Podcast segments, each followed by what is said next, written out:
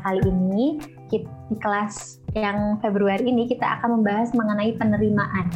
Sebuah jalan menyelaraskan kepemilikan dan kenyataan, belajar tentang hidup bangkit di ujung rasa sakit. Di sini juga udah ada pembicara yang telah kami undang yaitu saya manggilnya Ambu sebenarnya, tapi teman-teman bisa manggilnya Teh Dini. Halo Teh Dini. Halo Teh Lala. Jadi sebenarnya kita di satu ruangan ya Teh ya? Iya. Oke, ini dia Teh Dini. Ya. Nah, jadi seperti biasa kita akan melakukan meditasi terlebih dahulu. Diadakan juga sharing session bersama Teh Dini mengenai pengalaman apa aja sih yang Teh Dini alami mengenai penerimaan, seberapa besar sih rasanya apa ya dampak dari menerima diri sendiri terus juga um, dampak apa aja kalau misalnya kita tuh ternyata secara tidak sadar belum menerima diri kita sendiri. Nah, tadi ini mungkin memiliki pengalaman-pengalaman tersebut. Jadi nanti kita akan apa ya mendengarkan secara seksama pengalaman dari Teh Dini. Dan ini gimana kabarnya? Alhamdulillah hari ini baik-baik apa adanya. Tadi Mas selalu apa adanya. Oke. Okay. Nah, buat teman-teman, mungkin sharing sedikit. Jadi, mindfulness class ini pertama banget makna aksara buat itu namanya ruang napas. Nah, ruang napas ini tuh dibuatnya antara makna aksara dan Mas Aji ya, Mas Aji, tapi diwakili oleh Teh Dini gitu. Jadi kalau misalnya nanya yang pertama bikin mindfulness class itu siapa? Antara makna dan teh dini sendiri gitu. Betul betul begitu teh.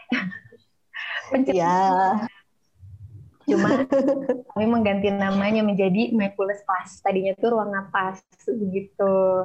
Oke kalau gitu mungkin bisa diberikan langsung kepada Teh Dini. Semoga Teh Dini siap secara mental dan fisik. Amin. Boleh Teteh dipersilahkan ya. Ya, makasih Teh Lala. Aku perkenalan diri dulu mungkin ya. Boleh Teteh. Mulai aja.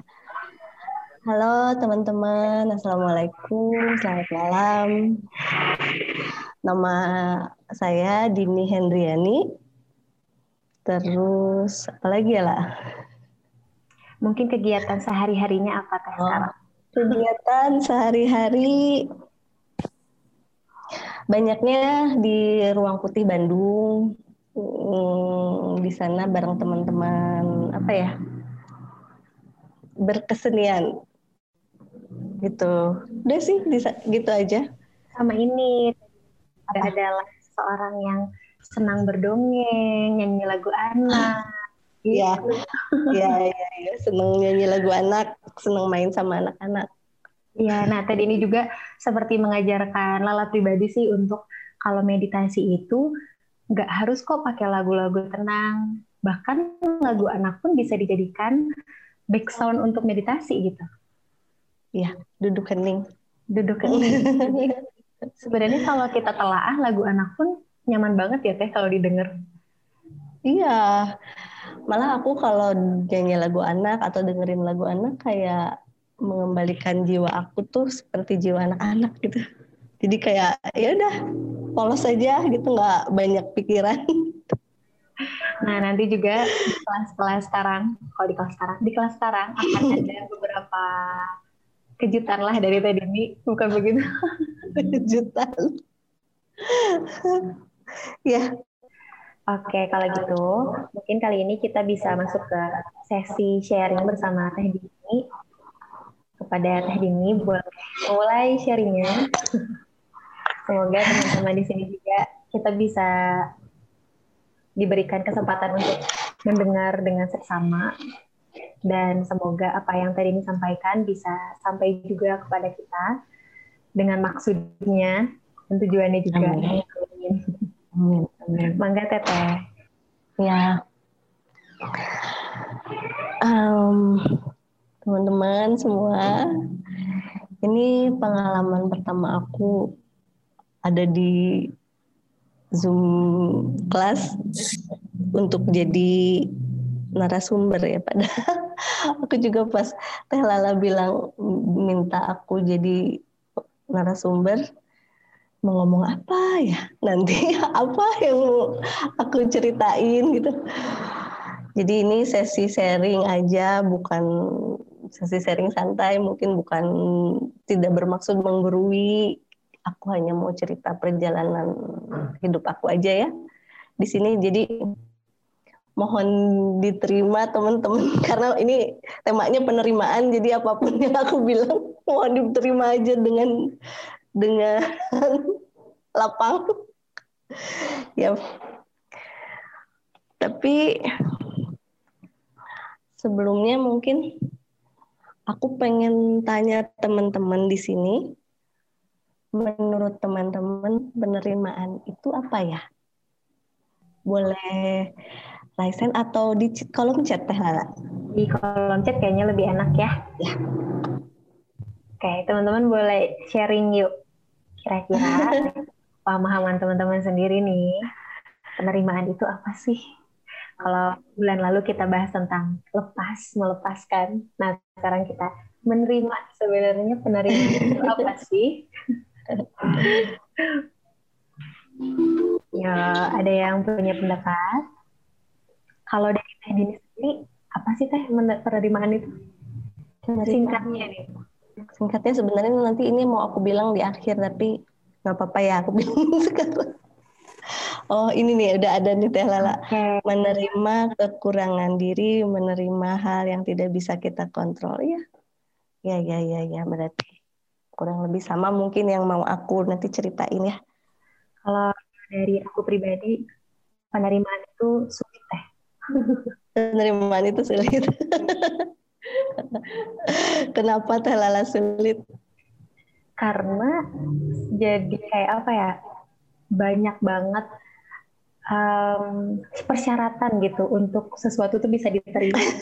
Emang sombong banget ya diri ini ya. Pengen ini, ini gitu. Dasar ya. Iya.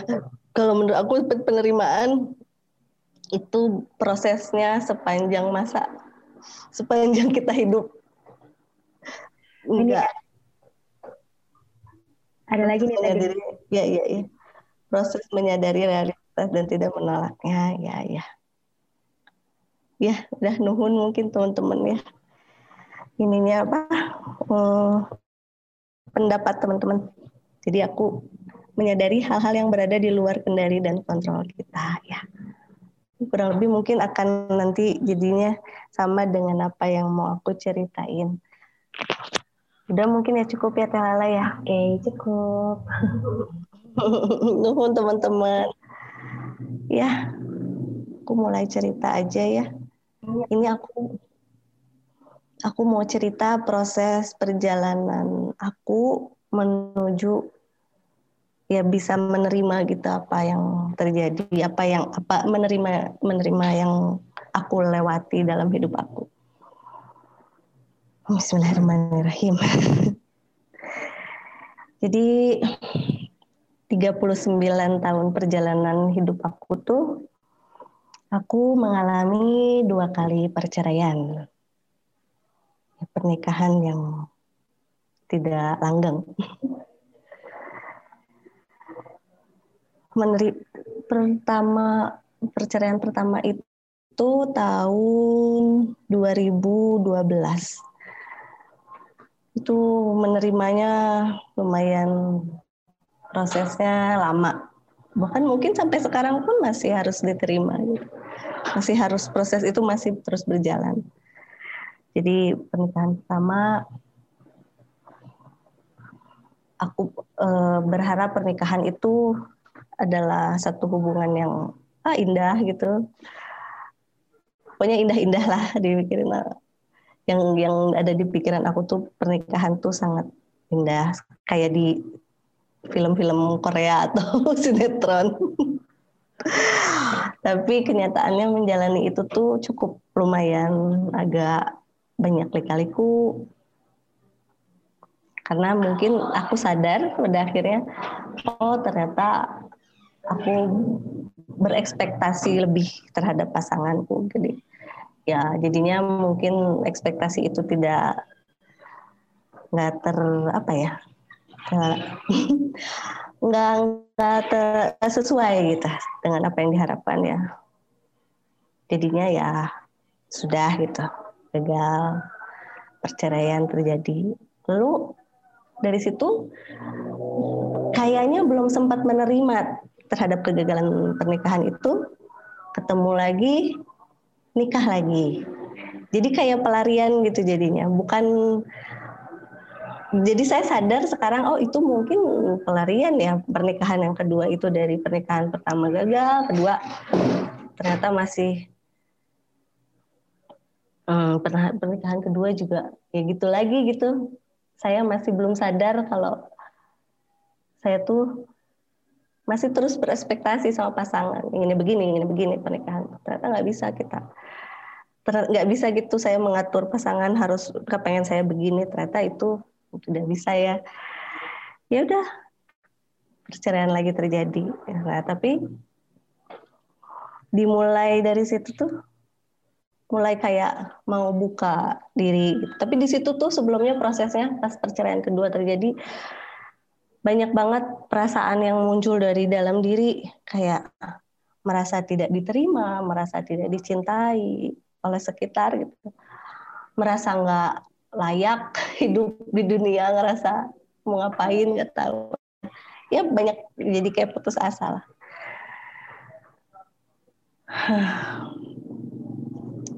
itu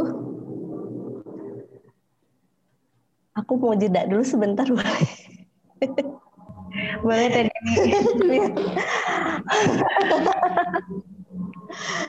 boleh nah, ini berarti prosesnya masih masih proses penerimaannya kayaknya masih ya sampai sekarang masih masih terus berlangsung masih harus menerima.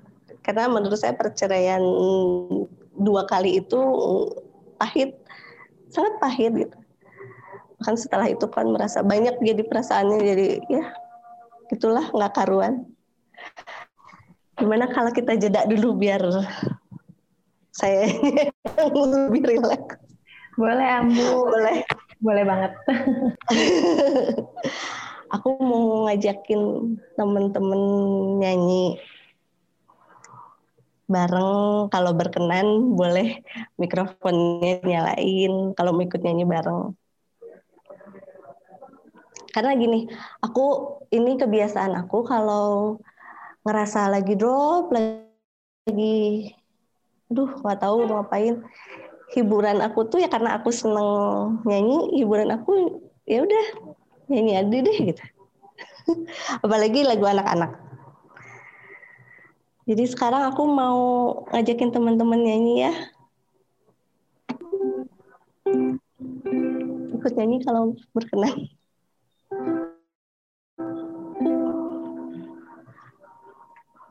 Ambilkan bulan bu, ambilkan bulan bu, yang selalu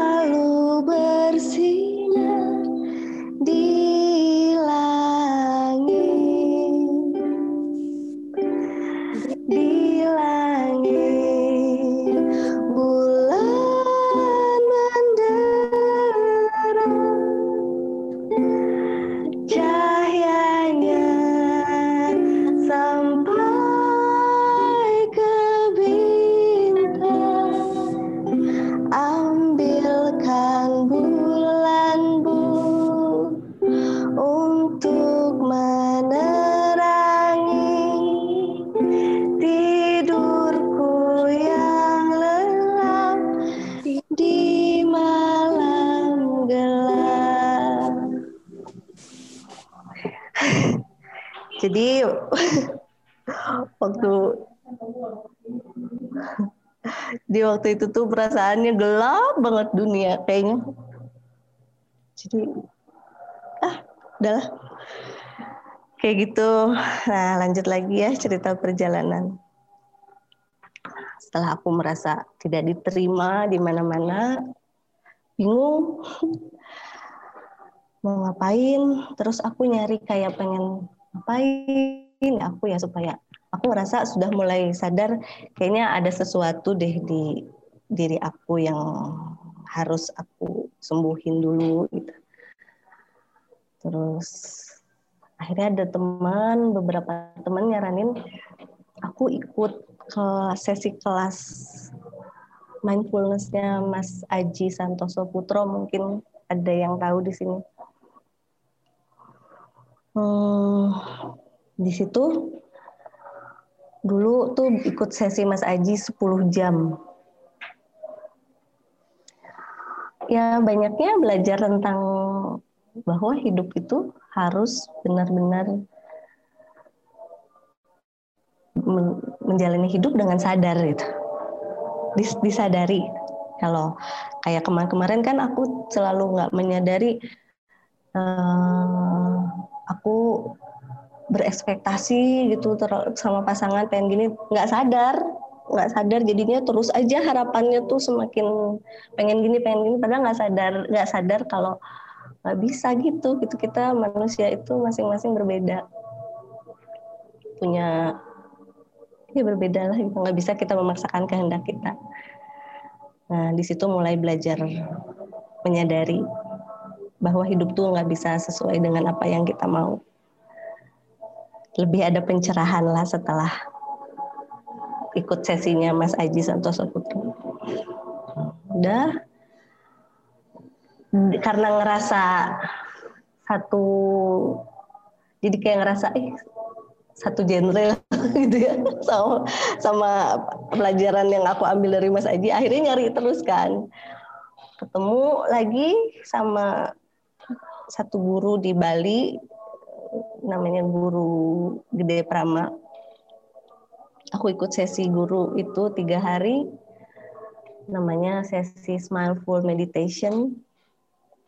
Nah, guru saya mengenal lagu anak-anak sebetulnya dari guru saya. Jadi guru itu mengajarkan bahwa kalau kita bawain lagu anak-anak balik lagi gitu bangkit lagi main lagi sama teman-temannya uh, terus um, nggak nggak dendam gitu kan kalau anak-anak berantem sama temennya. Udah saat itu ya udah nangis sedih tapi bisa kembali lagi main. Nah lewat lagu anak-anak guru mengajak kita untuk ayo kembalikan jiwa kita ke jiwa anak-anak kita nah udah dari situ mulai aku melakukan itu gitu. Jadi seneng nyanyiin lagu anak-anak. Malah jadi seneng main sama anak-anak. Terus sudah mulai siap nih ceritanya. Udah kena udah belajar dari Bali itu udah mulai siap. Balik lagi aku ke kehidupan mainstream. Kembali lagi kantor kembali lagi ya ke kehidupan sosial lah. Ternyata juga ter enggak enggak masih kok nggak nyaman ya? Nggak nyaman gitu. Kenapa ada apa ya sama diri aku ini? Masih nggak nyaman dengan dengan keadaan aku pada saat itu gitu ya. sampai di kantor ada masalah sama teman kantor juga bermasalah. Akhirnya aku hmm, memutuskan untuk berhenti bekerja. Sudah aku kayaknya mau mencari lagi sesuatu deh ada apa sih gitu di dalam diri mau mengenal lagi diri aku aku pergi ke waktu itu pilihannya Jawa Timur. Kenapa Jawa Timur? Karena karena awalnya sih nyari yang aku bisa pergi ke mana yang uangnya pas dengan uang tabungan aku ya udah ada tempat di sana namanya Kampung Pare. Di sana aku sekitar enam bulan. Nah pergi ke sana kan nggak ada saudara, nggak ada teman, nggak tahu asalnya juga mau ngapain. Nah aku kan jadi merasa tidak merasa masih nggak nyaman nih. Aku pergi ke Pare di sana aku nggak mengenal siapa pun nggak ada keluarga nggak ada teman dan nggak tahu mau ngapain awalnya. Cuman ya udah ke sana dulu deh gitu. Ada tempat kursus bahasa Inggris ya udah deh. Kursus bahasa Inggris dulu gitu di sana sambil mau tahu lebih mengenal diri sendiri. Di sana aku menemukan gitu. Lebih mengenal diri aku. Karena memang kenapa mungkin karena hidup aku di sana jadi kayak belajar hidup minimalis. Nggak uangnya pas-pasan hmm, mau makan juga ngirit-ngirit. Biasanya di rumah enak gitu disiap ada makanan di rumah. Ada temen kalau sedih di sana kan ya nggak kenal siapa-siapa. Jadi apa-apa ya kembali lagi ke diri sendiri gitu. Jadi bergelutnya dengan diri sendiri. Di sana malah jadi lebih mengenal diri aku karena ya karena kesendirian aku di sana. Aku jadi ternyata hidup itu tanpa harus aku banyak uang gitu ya. Ternyata aku baik-baik aja. Aku ke sana cuma bawa baju sekitar empat atau lima baju. Ternyata baju yang aku bawa cukup gitu dengan punya baju segitu. Terus uang juga secukupnya ternyata cukup.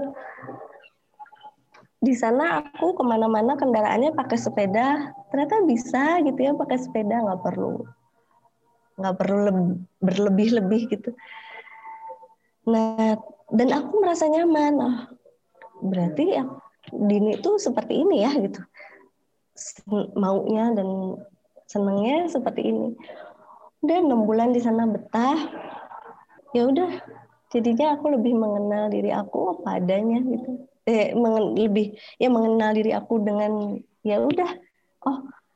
Dan emang beda banget aku yang di Bandung sama aku di sana. Nyamannya tuh nyaman banget tenang banget. Dan karena mungkin nggak nggak ada siapa-siapa ya di sana maksudnya nggak ada yang aku kenal. Jadi benar prosesnya tuh aku dilakukan dengan secara sadar terus gitu. Oh, aku oh nyaman ya gini.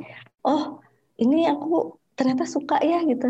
Di sana aku banyak ketemu anak-anak kecil, aku ngajak aku berdongeng, aku ngajak nyanyi lagu, ngajak nyanyi bareng, itu tuh menyenangkan sekali.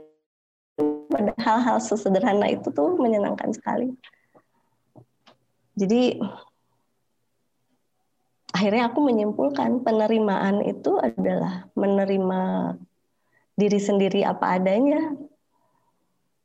Tuh sih. Di, dan proses itu sampai sekarang masih saya lakukan. Karena menurut saya proses penerimaan itu sepanjang kita hidup. Kayak saya sudah menerima nih misalkan yang tentang perceraian saya yang pertama, yang kedua tapi kan nanti ada hal lagi ya hidup ya. Ada hal apa lagi yang datang? Oh, ya sudah diterima. Ya inilah hidup saya, ini diri saya. Ya itu sih. Jadi penerimaan adalah menurut saya penerimaan adalah menerima diri sendiri dengan apa adanya. Itu sih kayaknya Teh Lala. Oke, terima kasih Teh Dini atas sharingnya. Dan jujur awal dengar cerita Teh Dini ini apa ya dalam gitu ya. Setiap apa yang Teh Dini ceritakan kepada Lala tuh pasti Lala ngerasanya begitu ada artinya dalam gitu bagi Teh Dini sendiri. Mungkin teman-teman juga merasakan ya ada energi-energi tersendiri gitu dari Teh Dini yang diberikan kepada Teh Dini pada kami. Nah, mungkin berbicara mengenai penerimaan dan itulah perjalanan Teh Dini dalam menerima, tentunya sangat panjang sekali. Dan mungkin teman-teman juga di sini punya cerita penerimaannya masing-masing, yang di mana kalau Lala pribadi ya, dibandingin sama cerita Teh Dini yang ternyata penerimaan Teh Dini itu dari dua kali perceraian, yang terus Lala tuh masih bergalau ria gara-gara misalnya si kecengan tidak mengeceng balik kepada. Recehnya hidupku ini gitu. Tapi mungkin tiap orang pun ada um, jalannya masing-masing gitu dalam menerima sesuatu. Nah mungkin itu jalannya Teh Dini. Nah mungkin kita bisa tanya ke pakarnya yang selalu ada di sini yaitu Alvin. ada nggak nih, Papi? Lagi nggak ada lah. Oh, bohong. nah, Papi gimana nih menurut Papi mengenai penerimaan ini sebenarnya gimana sih atau apa sih sebenarnya penerimaan ini karena kita nggak tahu gitu. Hmm. Pak, ada pakar-pakar yang lain juga sebenarnya di sini. Tunggu banyak ya. ya Mendukung ada. Teh Dininya banyak nih di sini. Gitu. ada ada pakar Safitria, gitu. Tapi gini, uh, ada Teh Maya juga. Halo Teh. Iya, Maya, nuhun juga. Peluk sayang juga buat Maya. Iya, iya, iya. Terus ada gimana? Dua, ada dua narasumber kita lah yang kemarin ngomongin lepas ada di sini juga karena ada ngomongin penerimaan di sini juga dan yang aku ingat ketika kemarin kita ngomongin lepas ya bagaimana kita letting go bagaimana kita melepaskan ada satu kata yang memang selalu aku ingat dari Teh Maya atau Teh Maya gini kita nggak mungkin melepas sesuatu tanpa menerima sesuatu jadi kita ya. bisa melepas kalau kita udah terima ya Betul gitu. mungkin kita bisa melepas sesuatu yang bahkan kita terima atau bahkan kita akui kita punya aja nggak bisa gitu. Aku punya, aku nggak mengakui bahwa aku punya sesuatu. Kalau aku nggak mengakui aku punya sesuatu, ya bagaimana aku bisa melepaskannya gitu. Maka yang menjadi penting dari proses melepas itu adalah memang menerima. Dan aku tuh lah, kalau ketemu Teh Dini itu selalu apa ya, adem gitu bawaannya. Dia kamu tuh gitu kayak tenang gitu. Sementara kalau aku tuh kan rusuh anaknya lah ya. Ini udah kelihatan perbedaan dari cara berbicara Dari tadi tadi ini tuh bilangnya adem gitu pelan. Kok ketika ngaluin tuh kayak cepet-cepet gitu. Oh ya gimana gitu. Iya ya, itu beda dari perpisahan aja. Tapi by the way, kalau ngomongin masalah penerimaan, yang aku pahami ya, juga mungkin dari pengalaman-pengalaman yang aku alami, jadi ada satu poin sih yang memang aku tangkap dari Teh Dini. Teh Dini selalu bilang kayak gini. Sebelum menerima, aku tuh sadar mungkin aku terlalu banyak berekspektasi. Aku sadar aku banyak menuntut bahkan diri. Iya. Sadar kalau menuntut sesuatu, menuntut realita gitu. Sadar. Sehingga ternyata memang kalau kita ngomongin penerimaan, kunci utamanya adalah sadar. Kita sadar dulu nih gitu. kita nggak bisa menerima sesuatu yang bahkan kita tidak sadari. Maka yang menjadi penting adalah tidak menyangkal. Kadang kita menyangkal misalnya lagi kenapa? Enggak apa-apa baik-baik aja. Kamu marah siapa yang marah? Gitu kan gitu. Sedih ya? Enggak sedih gitu kan sesuatu yang disangkal sesuatu yang memang nggak disadarin atau kita pura-pura nggak sadar pura-pura nggak mau tahu akan susah buat diterima maka kalau kita ngomongin beberapa riset atau beberapa ya secara psikologi, penerimaan itu bisa dimulai lewat bagaimana kita menyadari sesuatu. Sadari apa yang kita rasain, sadari apa yang kita alamin, maka itu adalah gerbang awal kita bisa melakukan sebuah penerimaan. Mungkin di awal tadi ini gimana teh ngerasain nggak sih bahwa ada penyangkalan-penyangkalan? Kok aku ngerasain soalnya gitu. Ketika memang ada sesuatu yeah. yang enggak, aku kan profesional ya masa gini aja iya laki-laki ya masa gini aja aku sedih ya disangkal gitu. iya gitu iya ya? iya iya gitu jadi ya sampai mungkin karena lingkungan sekitar aku merasa lingkungan sekitar tidak menerima aku sebenarnya mungkin mereka juga nggak nyaman karena aku kayak terlihat banyak menyangkal terlihat banyak ya berpura-pura mungkin. Pura-pura ya. baik-baik aja. Pura-pura baik-baik aja.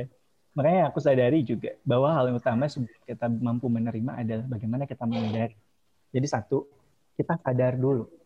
Kita observasi dulu observasi apa observasi situasinya gitu observasi apa yang kita alami apa yang kita rasain nah setelah observasi apa mungkin salah satu hal yang penting yang bisa kita lakukan setelah kita sadar kita perlu berjeda berjeda. Yeah, Kadang jeda. manusia itu pengen banget rusuh ngubah sesuatu yang nggak dia suka ya nggak sih itu Iya. kayaknya tuh kalau senggol bacok kalau keinjak pengen nginjak balik. Kalau diteriakin pengen teriak balik. Kalau dimarahin Iya. pengen langsung marah gitu. Istilahnya Mhm. impulsif. Istilahnya senggol bacok gitu ya. Jadi maka yang menjadi penting adalah bagaimana kita berjeda dulu nih setelah kita sadar. Kadang manusia itu atau sering kali ya yang namanya manusia itu ketika dihadapkan pada sesuatu yang nggak nyaman sesuatu yang tidak mengenakan dia tuh pengen mengubah situasi dengan segera. Dengan membabi buta dengan bernafsu dia pengen mengubah segala sesuatunya sesuai dengan apa yang dia inginkan sesuai dengan apa yang diharapkan padahal sebenarnya kita nggak mampu kita sulit mengubah sesuatu yang bahkan kita nggak bisa terima. Dan kita sulit menerima sesuatu dengan tergesa-gesa. Maka yang menjadi penting buat manusia adalah berjeda dulu. Jadi tadi satu kita belajar sadar, yang kedua kita belajar untuk berjeda, buat pas dulu. Supaya apa? Supaya kita tuh mampu membedakan mana realita dan mana drama pikiran. Karena kan pikiran itu kayak banyak drama juga ya. Banget Kang. Iya. Ba- Oke. Jadi kalau yang eh, biasa aku contohin kayak gini, aku lagi ngechat seseorang, terus nggak dibalas gitu. Padahal kan pada faktanya adalah ya nggak dibalas aja udah. Tapi kan kita senang sekali bikin drama, dia nggak dibalas, jangan-jangan dia marah, jangan-jangan dia nggak suka, jangan-jangan aku salah ngomong, banyak banget jangan-jangan, gitu. Jadi kenapa kita perlu berjeda? Karena kita perlu memisahkan mana realita dan mana drama pikiran yang dibuat-buat oleh manusia. Karena manusia itu hobi sekali membuat drama gitu loh.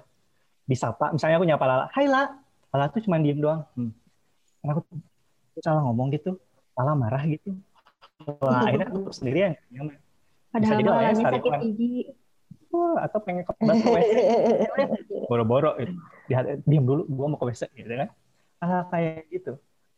Jadi yang kedua tadi adalah kita penting untuk berjeda ya. Yang ketiga, setelah apa sih yang dilakukan ketika berjeda itu memisahkan drama pikiran dan mana realitanya. Dengan begitu kita bisa lebih mampu mengubah hal-hal yang memang bisa kita ubah. Jadi satu tadi kita mengobservasi dulu, kita menyadari dulu, kita belajar untuk tidak menyangkal dulu tahapnya ya. Berikutnya adalah kita berjeda dulu, tidak tergesa-gesa mengubah sesuatu gitu ya. Dan yang ketiga, yuk Ya. pisahin mana dramanya, mana realitanya. Jadi tiga itu sebenarnya. Dan aku tuh diajarin ini tadi ini doa yang sangat indah waktu itu sama Apa? guru. Diajarin doa yang Oh sangat iya, indah. doa sama apa? guru. Jadi Apa doa apa? eh, dia bilang kayak gini tentang doa penerimaan. Jadi ketika berdoa, nah, sehingga ini juga yang sering kali aku terapkan gitu. Tuhan, mampukanlah aku mengubah hal-hal yang bisa aku ubah. Tuhan, mampukanlah aku mengubah hal-hal yang bisa aku ubah. Dan mampukanlah aku menerima hal-hal yang tidak bisa aku ubah. Serta mampukanlah aku membedakan arah keduanya. Satu, kita mampu kita di kita minta dimampukan untuk mengubah hal-hal yang bisa kita ubah. Yang kedua, menerima hal-hal yang memang nggak bisa kita ubah. Dan yang ketiga adalah bagaimana kita bisa dan mampu membedakan keduanya. Kenapa begitu? Karena kita tuh kadang gini loh, kita ngajak-ngajak jangan cuma aku doang ya. Sesuatu yang sebenarnya bisa kita usahakan, kita ubah gitu loh, kita kelola, kita bilang udahlah nggak bisa. Tapi sesuatu yang sebenarnya itu tuh udah nggak bisa dikelola, udah dari sananya, udah ya memang takdirnya seperti itu, kita usahakan gitu. Akhirnya jadi capek sendiri, mengubah sesuatu yang memang nggak bisa kita kelola. Maka kita juga perlu berpikir secara rasional, berpikir secara matang, mana nih hal-hal yang memang bisa kita kelola, mana hal-hal yang nggak bisa kita kelola. Maka kita penting buat mampu membedakannya. Gitu loh. Gitu sih lah, kalau yang aku pahamin dikit-dikit. Oke, wah luar biasa. Oke, mungkin ini tadi ini terima kasih sebelumnya kepada Kang Alwin. Ya. Tadi ini sekarang mau ngapain lagi nih teh? Aku aku boleh nyanyi lagi? Boleh, boleh banget. Karena mungkin di sini juga Di sesi nyanyi. enggak teh, soalnya gini. Lala tuh udah lama gitu ya, nggak udah lama dan jarang banget dengerin lagu anak. Tapi Lala dipertemukan lagi dengan anak, terus belajar lagi buat ketemu anak, berkomunikasi dengan anak, berdongeng, pendongeng bersama teteh ke anak-anak tuh kayak sesuatu hal yang wah gini ya ternyata gitu. Menyanyikan lagu anak pun bisa menghasilkan sesuatu yang membahagiakan gitu dan itu tidak ternilai sih daripada lagu-lagu apa armada gitu kan ya. Apalagi ya wali. Gitu. Jadi boleh banget ya Dini kalau nyanyi. Kita juga senang banget dengerin teteh nyanyi. Tapi nyanyi bareng dong yuk. Teman-teman ada yang mau ikutan? Boleh kalau mau ikutan mikrofonnya dinyalain ya. Boleh boleh. Pak, Kenapa? Kalau aku nyanyi takut suaranya bagus deh. Bagusan gak, uh. gak nyanyi maksudnya. Direkomendasikan saya mungkin ya. ya. Siap, terima kasih, Pak. Yuk, nyanyi ya. Naik, naik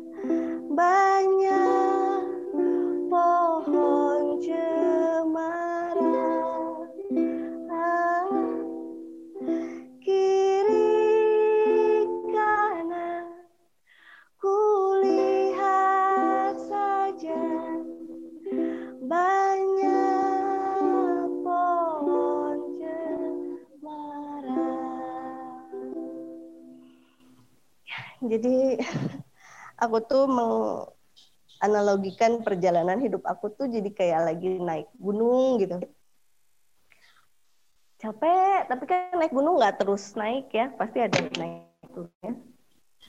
Capek, terus kadang nemu ada lubang atau ada batu besar gitu. Jatuh pas naik gunung. Nah, tapi ketika itu di aku jadinya ngelihat di lirik ini ketika kita naik gunung tinggi sekali gitu tapi yang dilihat hanya pohon cemara aja di kiri kanan. Jadi juga aku melihatnya ya udah memang hidup dijalani. Hmm, kadang capek kadang ya. Tapi ya dilihat yang indah-indahnya aja lah. Lihat pohon cemara atau ketika hidup itu juga banyak kok hal lain yang bisa kita lihat gitu. Hal-hal kecil menjadi ternyata indah kok gitu. Ya, seperti lagu itu. Naik ke puncak gunung tinggi gitu. Terus yang dilihat hanya pohon cemara aja yang indah-indah. Ya begitupun aku jadinya uh, menjalani hidup aku ya udah. Memang kalau hidup aku lagi di lagi datangnya yang bikin aku sedih ya memang disadari sedih tapi pasti ada sesuatu juga yang indah gitu ada hikmahnya atau apa jadi yang dilihatnya yang indah-indah aja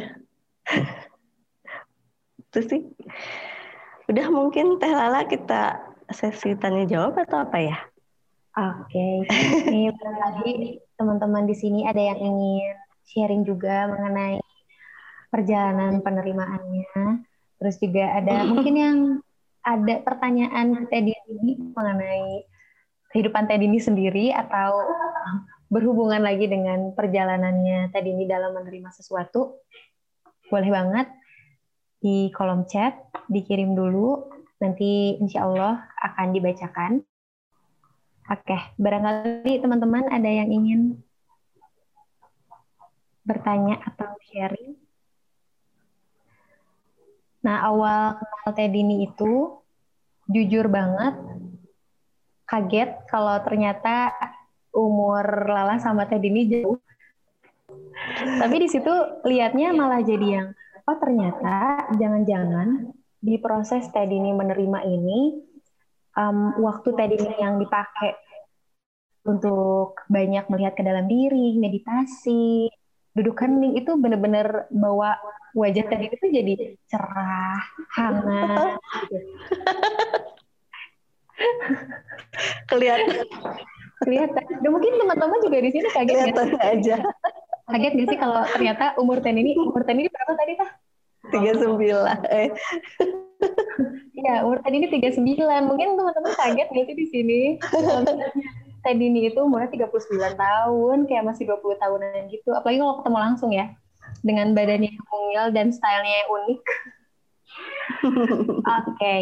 ini ada dari Erina. Terima kasih Kak Dini dan Kak Alwin sharingnya. Saya punya pertanyaan yang terus mengganjal tentang penerimaan. Sering saya dengar dari orang di sekitar saat kita mengalami suatu hal yang negatif, mereka selalu bilang, ya udah terima aja, jalani aja yang ada di depan apa yang terjadi selalu ada maksudnya. Kata-kata itu membuat bertanya-tanya, apakah saat menerima berarti dan hal negatif tersebut, padahal kita merasa punya alternatif untuk melakukan hal yang lain. Apakah menerima sama dengan menyerah? Apakah membuat kita tidak boleh melakukan usaha yang lain? Gitu tadi nih. Bagaimana kalau menurut tadi nih? Aduh ya. Ini jawabannya mungkin setaunya aku aja ya. Sepengetahuan. Se ya setaunya aku sebatas ya gitu. belum tentu benar juga jawaban aku. Uh, apakah saat menerima berarti kita menyerah dan tetap menjalani hal negatif tersebut padahal kita melakukan kayaknya Kang Alwin dulu deh. Okay. Kang Alwin aja dulu. Boleh, Kang Ready Kang Alwin. Tadi, uh, gini, balik lagi ya ke yang tadi sempat aku sharingkan itu loh. Bahwa memang di dunia ini memang ada hal-hal yang bisa kita kelola, ada hal-hal yang bisa kita kelola. Proses penerimaan itu sebenarnya bukan berarti kita menyerah ya dan tidak melakukan apa-apa gitu. Jadi gini, uh, saya loncat dulu sebelum ngejelasin itu. Kalau kita ngomongin masalah penerimaan. Kalau kita ngomongin masalah udah nerima belum ya? Aku udah dalam proses yang memang lepas belum ya? Sebenarnya salah satu indikator yang jelasnya adalah bagaimana emosi kita ketika kita membahas itu. Bagaimana emosi kita ketika kita mengingat hal tersebut gitu.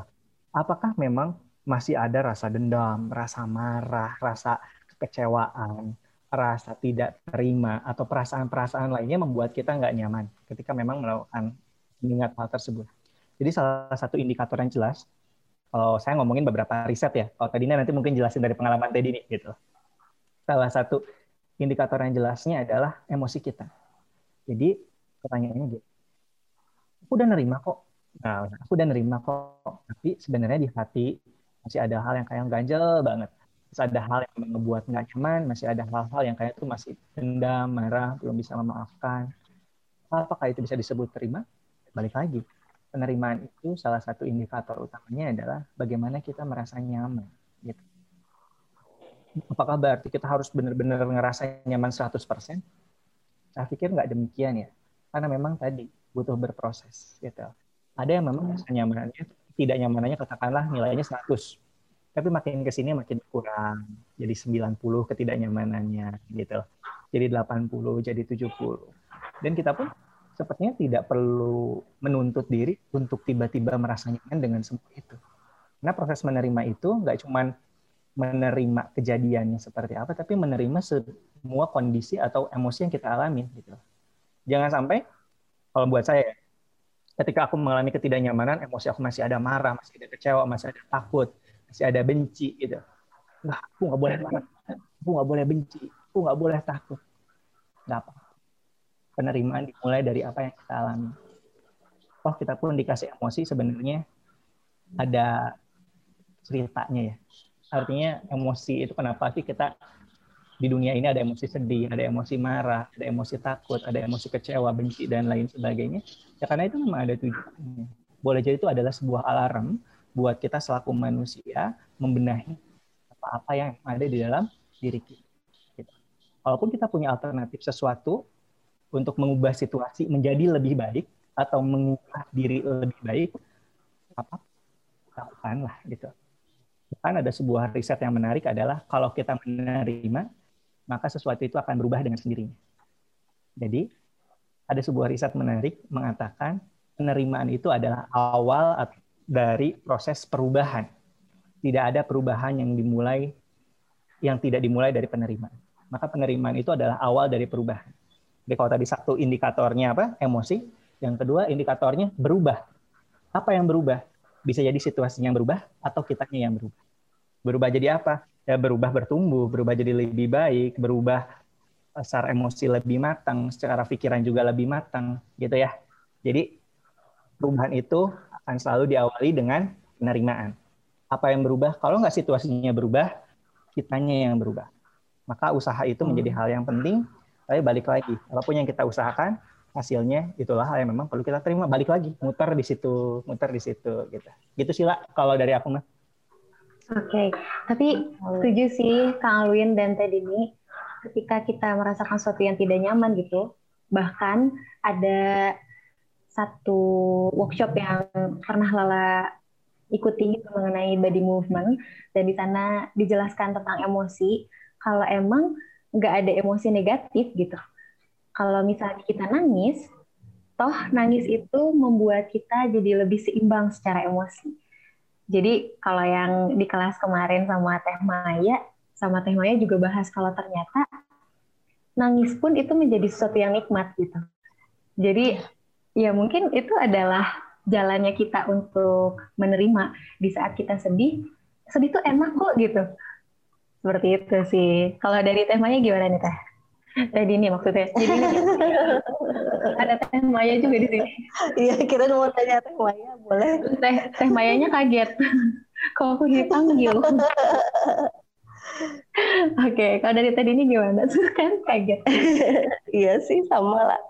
Sama gitu kalau menangis itu lega kok gitu. Jadi emosinya keluarin aja kalau memang apa yang ingin dikeluarkan emosi ya keluarin aja. Sekalipun itu kadang marah juga apa-apa asal kita sadar itu ketika marah. Kalau sadar kan marahnya nggak akan terlalu marah berlebihan gitu. Itu sih. Terima kasih kepada Kang Alwin dan Teh Dini. Iya. Semoga Erina menjawab ya, ya. pernyataan. Oke, selanjutnya ada dari Bayu, Teh Dini dan Kang Alwin kalau dalam usaha penerimaan ada fase pikiran yang selalu bolak-balik itu gimana ya? Oh, aku kan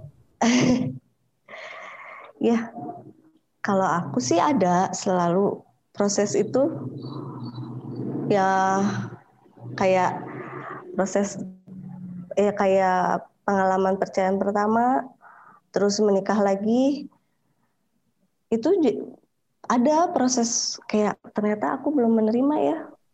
Kayak yang perceraian sama itu gitu. Ternyata di situ juga sadar pernikahan kedua itu kayaknya bukan bukan jadi kayak pelarian. Itu pasti ada sih selama proses itu bolak-balik terus pemikiran fase itu pasti ada gitu. Ya kalau saya sedang mengalami fase itu ya sudah diterima saja Berarti lagi begitu gitu fasenya. Oke, okay. emang seperti ada pengulangan ya Teh ya dalam Iya, ya, selalu begitu. Kalau menurut Kang ini gimana nih Kang? Oke. Okay. Kenapa manusia bisa pikirannya bolak-balik ya, gitu-gitu aja. Jadi pikirannya bolak-balik, pikirannya gitu-gitu aja. Kayaknya kepikiran ini lagi, kepikiran itu lagi.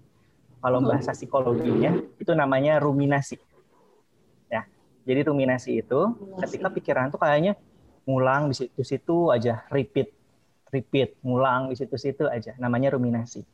Kenapa kita manusia bisa mengalami suatu kondisi yang namanya ruminasi? Gitu kan ya pertanyaannya. Karena teman-teman yang salah satu menjadi default pikiran manusia itu adalah time traveling. Ya, jadi salah satu yang menjadi default pikiran manusia adalah time traveling. Apa time traveling itu? pikirannya jalan-jalan. Jalan-jalan, monkey mind istilahnya ya, pikiran monyet. Monyet kan loncat-loncat. Sama, manusia itu pikirannya kayak monyet yang loncat-loncat. Jalan-jalan, lari-lari. Lari-larinya ke mana nih? Gitu. Lari-larinya kalau dalam konsep ini adalah ya kadang ke masa depan. ya Masa depan khawatir, cemas, nanti gimana ya kalau gini, nanti gimana ya kalau gitu. gitu. Atau lari-larinya ke belakang. Belakang itu apa? Menyesali ya. sesuatu, kebayang sama masa lalu gitu. Maka apa yang perlu dilakukan adalah mendudukan pikiran, melatih pikiran supaya duduk. Gimana melatih pikiran supaya duduk? Salah satunya emang lewat mindfulness gitu. Mindfulness itu apa sih? Apakah memang harus duduk, hening, tarik nafas dan lain sebagainya? Itu hanya salah satu cara. Hidup mindful itu artinya bagaimana kita mendudukkan pikiran di hari ini saat ini fokuskan pikiran terhadap apa yang memang sedang kita lakukan. Misalnya nih, kita lagi gosok gigi. Kadang kan kalau kita lagi gosok gigi tuh pikirannya bisa ke mana-mana ya. Nanti makan siang makan apa, nanti malam kayak gimana. Pikirannya bisa ke mana-mana. Hmm. Melatih mindful itu artinya ketika gosok gigi ya fokuslah. Gosok gigi. Oh ternyata aku gosok tuh depan dulu. Oh terus aku ke kiri, aku ke kanan. Nah hal-hal kecil itu bisa melakukan, bisa membantu kita mendudukan pikiran supaya nggak loncat-loncat gitu. Terus pertanyaan gini, berarti haram dong kalau eh kalau, kalau pikiran kita loncat enggak bukan salah halal dan haram. Saya gimana sih? Kapan oh boleh. Tapi balik lagi, jangan sampai terjebak di situ. Kita loncat dulu ke depan untuk merencanakan sesuatu. Tapi perencanaan itu bawa yuk ke saat ini untuk kita lakukan sesuatu. Atau boleh jadi loncat ke belakang, melihat masa lalu. Tapi kenapa kita harus lihat masa lalu? Jangan-jangan ada hal yang memang perlu kita pelajari. Oh, saat ini perlu belajar sesuatu dari situ. Nah, jadi saya katakan, kalau pikirannya bolak-balik, ada fase pikirannya di situ-situ aja, itu adalah fase yang wajar.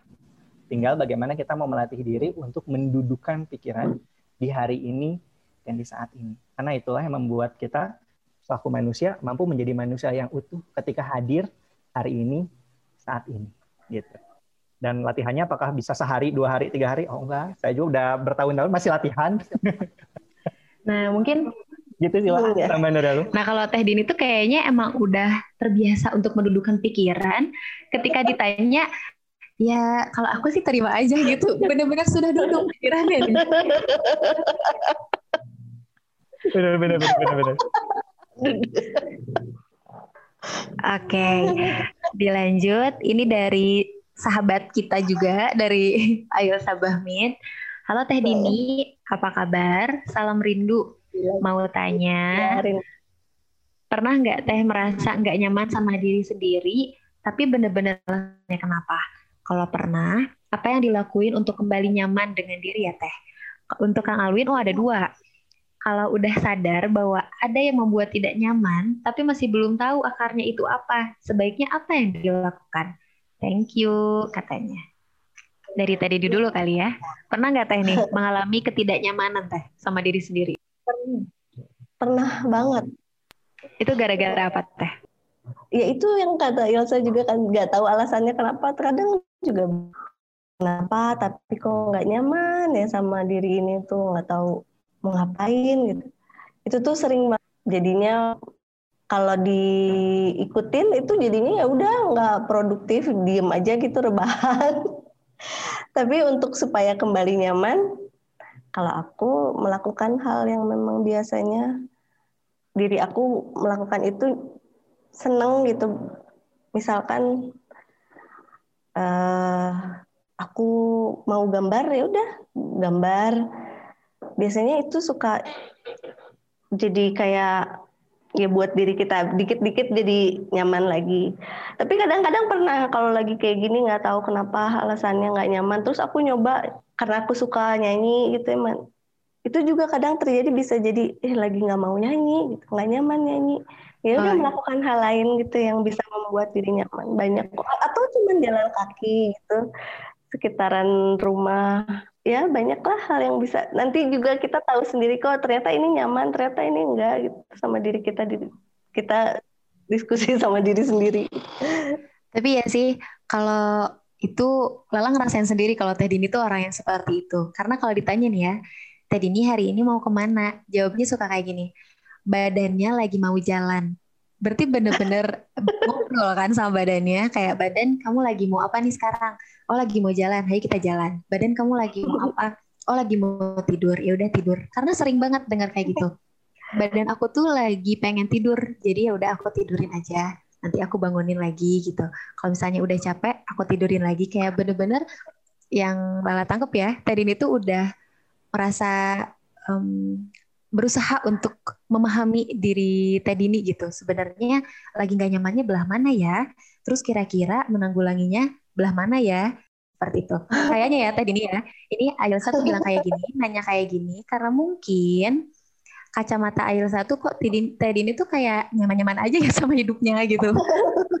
karena bawaannya happy ya nggak sih Sa? Kalau ketemu Tedini tuh bawaannya happy terus aja gitu. Enak gitu hidupnya. Oke. Okay. Terima kasih Teh Dini iya. atas sharingnya. Terus untuk tuh kan betul kata Ayelsa energi positif terus rasanya katanya gitu. Oh, amin. Eh buat yang mau ketemu sama Teh Dini, boleh banget mampir ke ruang putih ya di Jalan Bungur. Di sana ada Teh. ngobrol deh sama Teh Dini, enak banget ngobrol sama Teh Dini ada teh maya juga di ruang ada teh maya juga tuh. Hmm, double itu. Nyaman deh di ruang putih. Oke okay, selanjutnya untuk Kang Alwin nih Kang. Gimana Kang? Setuju sama Teh Dini. Iya. Belajar kenalan sama tubuh sendiri.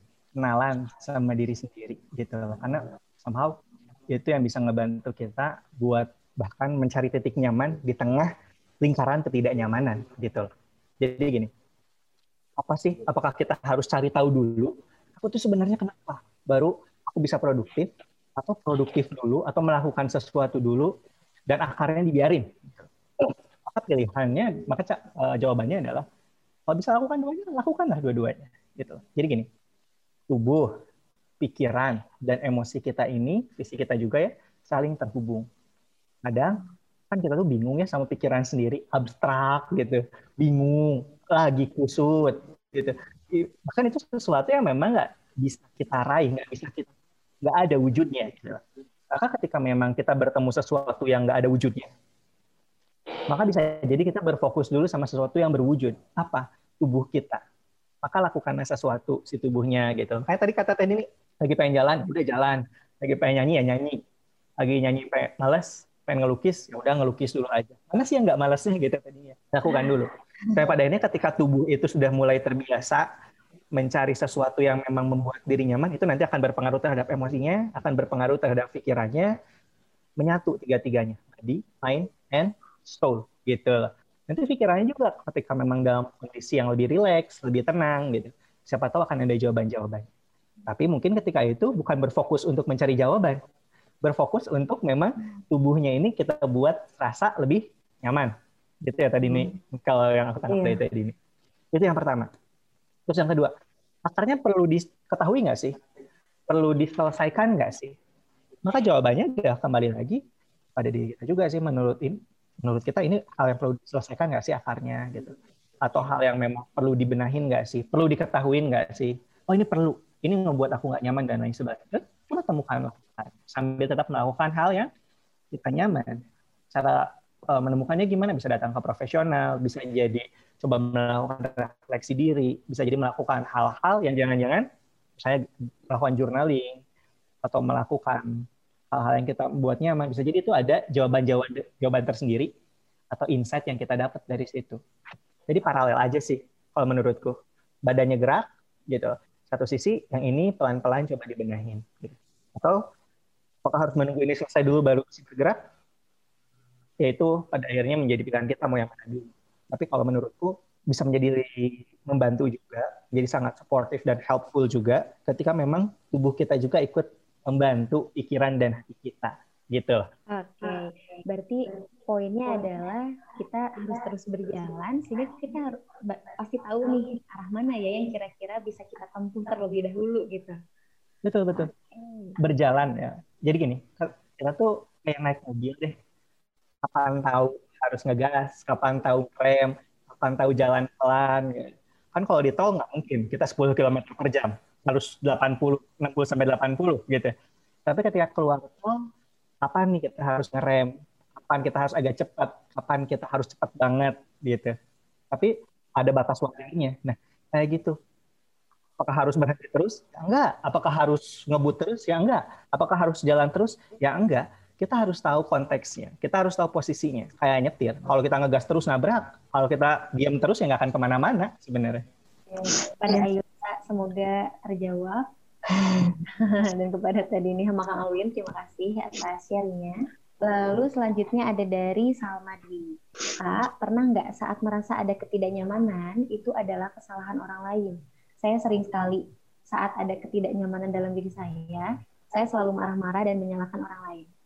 Kok berasa saya yang nanya? Iya. Gimana nih kalau menurut tadi nih? Aku juga pernah merasa seperti itu. Terus Enggak, enggak. Nggak terus ini pertanyaan ini pernah aku tanyain sama Mas Aji waktu itu. Terus Mas Aji kasih pertanyaan gini sama aku. Gini, kamu katanya kalau rumah kamu kebakaran, apa yang pertama kamu lakukan? Eh, memadamkan rumahnya dulu atau cari penyebab kebakaran itu? Terus aku jawab waktu itu memadamkan rumahnya gitu berusaha mencari bantuan untuk memadamkan rumah atau berusaha sendiri gitu kan. ya itu juga yang bisa kita lakukan untuk eh, diri kita gitu ketika kita merasa tidak nyaman marah gitu.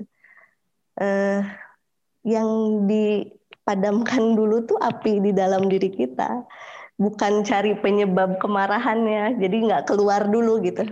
Masuk dulu ke dalam diri kenapa ya? gitu. Saya marah kenapa? Eh, ya kenapa saya pengen marah-marah? Kenapa? gitu. Dicari dulu di dalam diri. Setelah itu baru baru mungkin kita bisa lebih ya nggak nggak nggak ke mana-mana gitu nggak nyalahin orang tapi diri kita dulu yang kita padamkan api marahnya Wah, itu sih itu analoginya Itu dari- banget. Mas Aji sih Tapi bener sih teh jadi, maksudnya jadi nyampe gitu. Kalau ditanya ke sana rumah kebakaran, ya nggak mungkin juga kan tiba-tiba nyari pembantu. Kamu sih nggak matiin kompor misalnya, nggak mungkin kan? Bener sih, bener sih. Itu dalam banget sih analoginya. ya Wow. Semoga dengan analogi itu terjawab ya Teh Salma Dwi ya. Oke.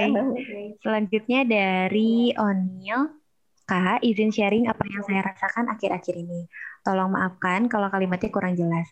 Hari ini saya keluar rumah, terus saya melewati SMP di mana dulu saya bersekolah.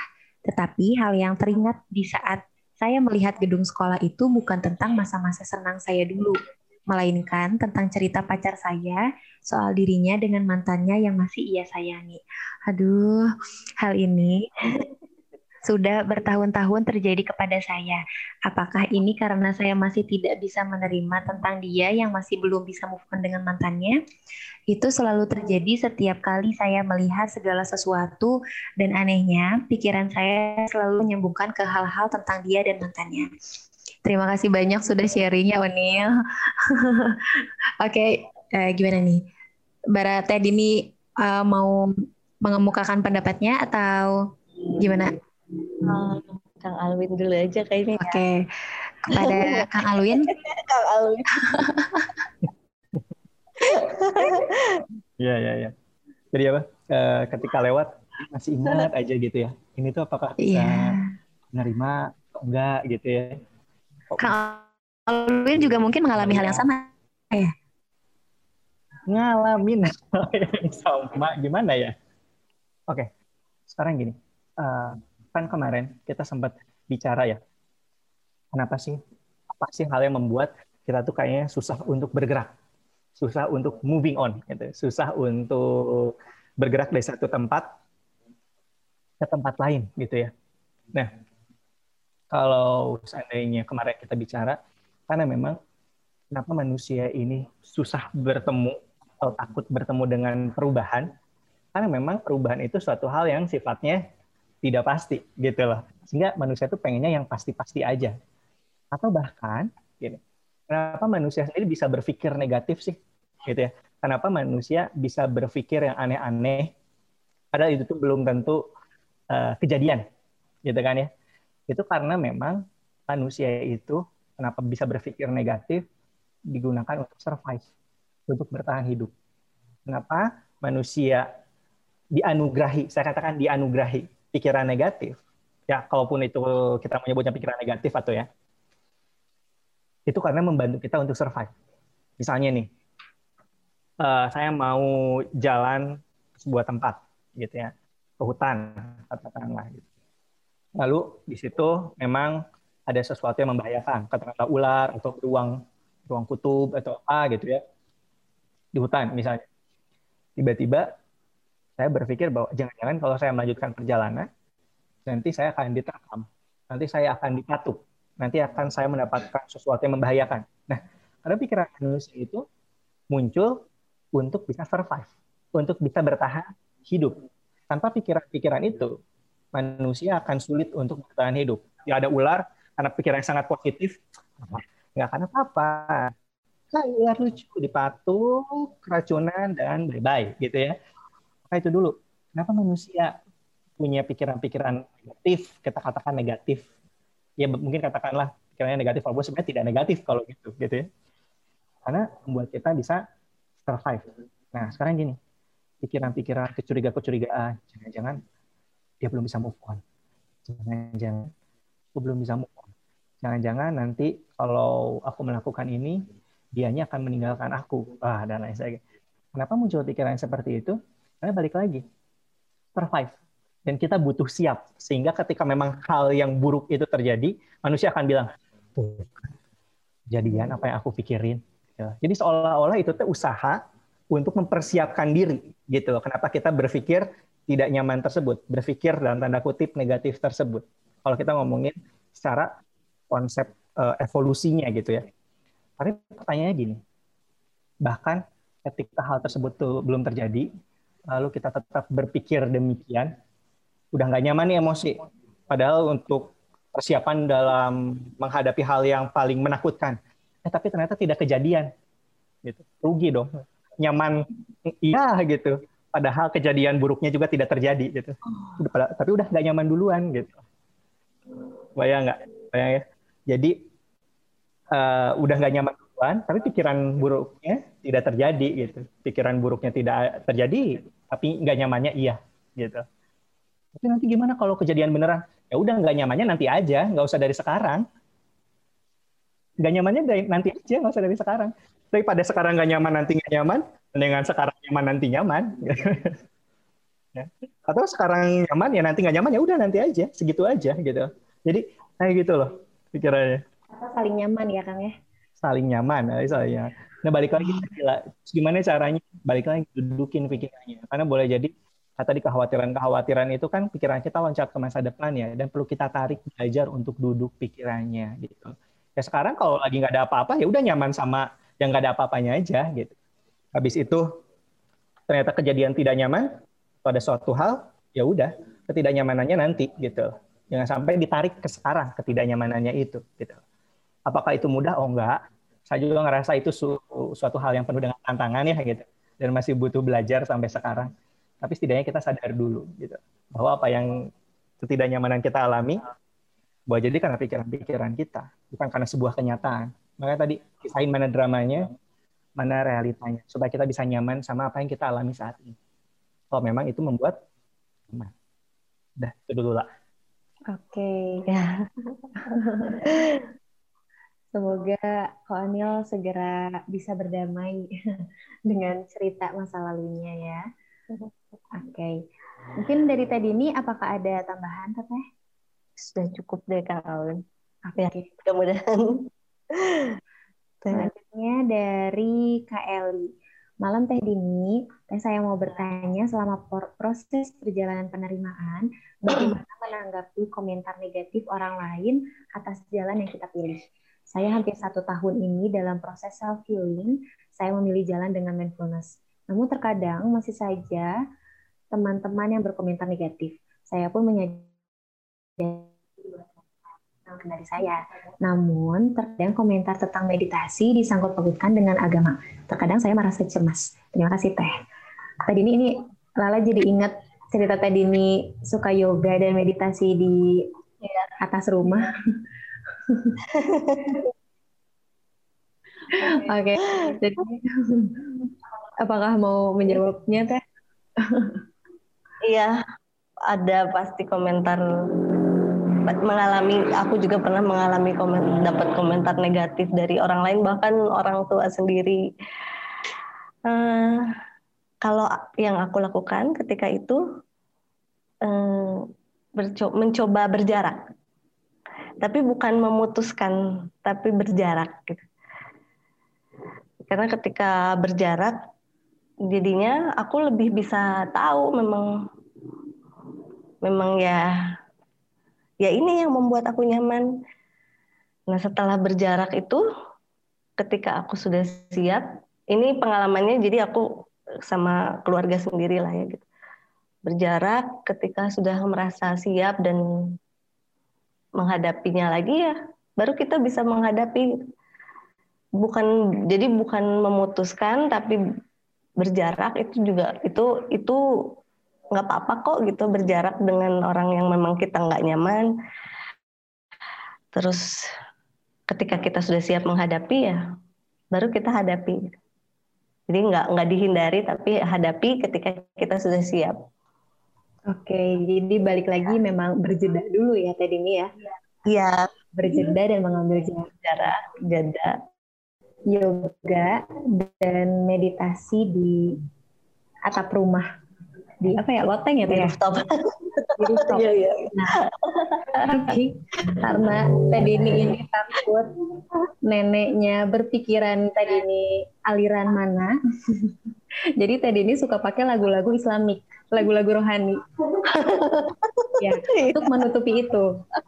Jadi maksudnya itu hal yang agak lucu sih karena cara cerita Teddy ini tuh selalu dengan yang apa ya itu tuh hal yang menyenangkan gitu. Aku mah suka dengerinnya lagu-lagu rohani lah soalnya takut nenek aku tuh mikir yang macem-macem kalau aku tuh aliran mana katanya gitu. Nah bukan bukan takutnya memang sudah oh memang sudah iya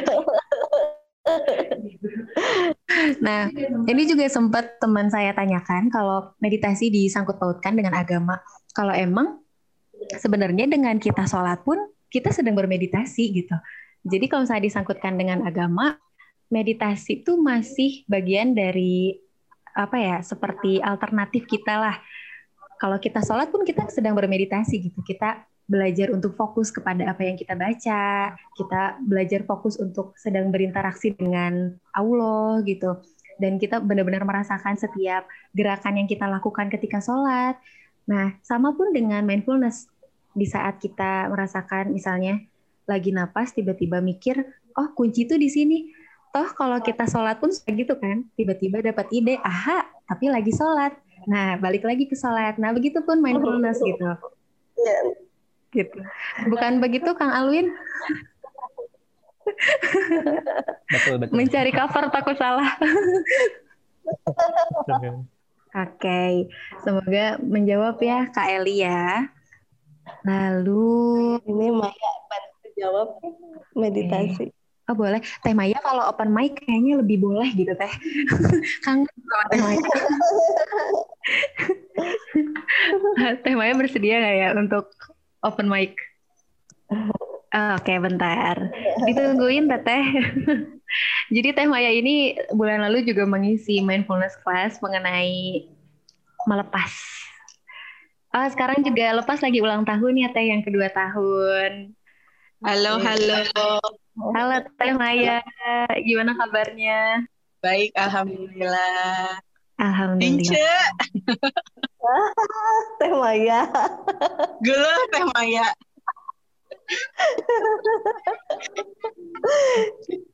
Iya. Jawab yang meditasi ini. Iya. Jadi ya memang itu pasti banyak banyak ditanyakan sama orang-orang lah ya karena uh, ya nggak ada yang salah sih karena emang mungkin belum awareness tentang ini juga belum terlalu luas. Terus uh, si meditasi ini masih dikaitkan dengan satu cara beribadah agama tertentu gitu. Nah, uh, tapi yang aku pelajari sih gitu ya dengan dengan melakoni si meditasi itu justru uh, memang memang gini. Jadi intinya gimana niat. Jadi guru guru agama aku aja selalu bilang uh, segala sesuatu itu akan baik jika niatnya baik gitu. Jadi kalau kita emang mau self healing atau meditasi, uh, ya niatnya buat apa gitu. Nah, yang yang mesti jadi niat dasarnya itu adalah kita harus punya iman dalam melakukan uh, eh, self healing. Jadi apa pun agama kita, self healing self healing atau meditasi atau apa pun yang kita lakukan itu memang kita niatkan demi supaya kita menjadi uh, hamba yang lebih baik untuk Tuhan gitu. Jadi Nah, meditasi itu kan sebenarnya menyelaraskan antara uh, tubuh, hati, dan pikiran kita.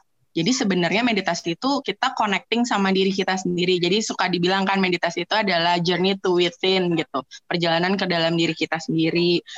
Nah, uh, nah dengan begitu, dengan kita mengenal diri hmm. kita, itu akan memudahkan kita untuk mengenal siapa Tuhan kita gitu. Jadi makanya ya sebenarnya nggak semua orang pasti bisa nerima juga sih dijelasin kayak gini gitu. Tapi balik lagi kalau ada yang berkomentar ya senyumin aja. Karena uh, kita harus yakin harus yakin sama apa yang kita jalanin ini. Uh, lillahi taala memang untuk uh, untuk balik lagi untuk kita uh, apa ya pulang nanti tuh pulang ke Allah itu ya dalam keadaan lebih baik sebaik-baiknya. se sefitrahnya kita seperti waktu kita terlahir, sesuci kita waktu terlahir. Jadi ya ini mah bagian dari ikhtiar kita aja gitu. Kita anggap ini adalah salah satu metode yang memperkuat ibadah kita gitu. Jadi ya itu satu senyumin aja ya kalau bisa diajak ngobrol kayak gini ya diajak ngobrol, dijelasin ke temennya gitu. Tapi ya kalau masih belum bisa nerima ya udah kan kita nggak bisa merubah orang lain kita mulai dari diri kita kalau mereka lihat eh iya ya abis meditasi dia tuh jadi maksudnya jadi lebih baik ibadahnya lebih baik hubungan sama orang lain lebih baik ya mereka juga pasti kan nggak akan mempermasalahkan lagi itu insya Allah. Makasih. Terima kasih banyak. Terima, terima kasih banyak. Semoga terjawab dengan sangat jelas ya Kak Elia oke kalau gitu karena sudah selesai semua pertanyaan dan sharingnya boleh dibalikan kepada Teh Dini barangkali ada sesuatu yang ingin disampaikan dan juga untuk menutup dipersilakan ya Teh. Menutup kayaknya aku mau nyanyi satu lagu. Ini tuh lagu ini buat aku sih eh, ngebawa aku jadi ngebawa aku jadi ya eh, kembali ke diri sendiri. Pulang ke rumah diri.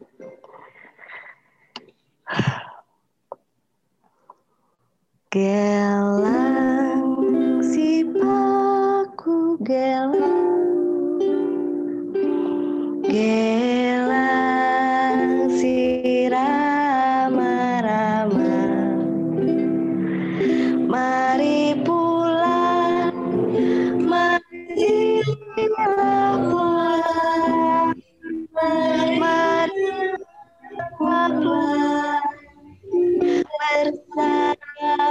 sama-sama. Mari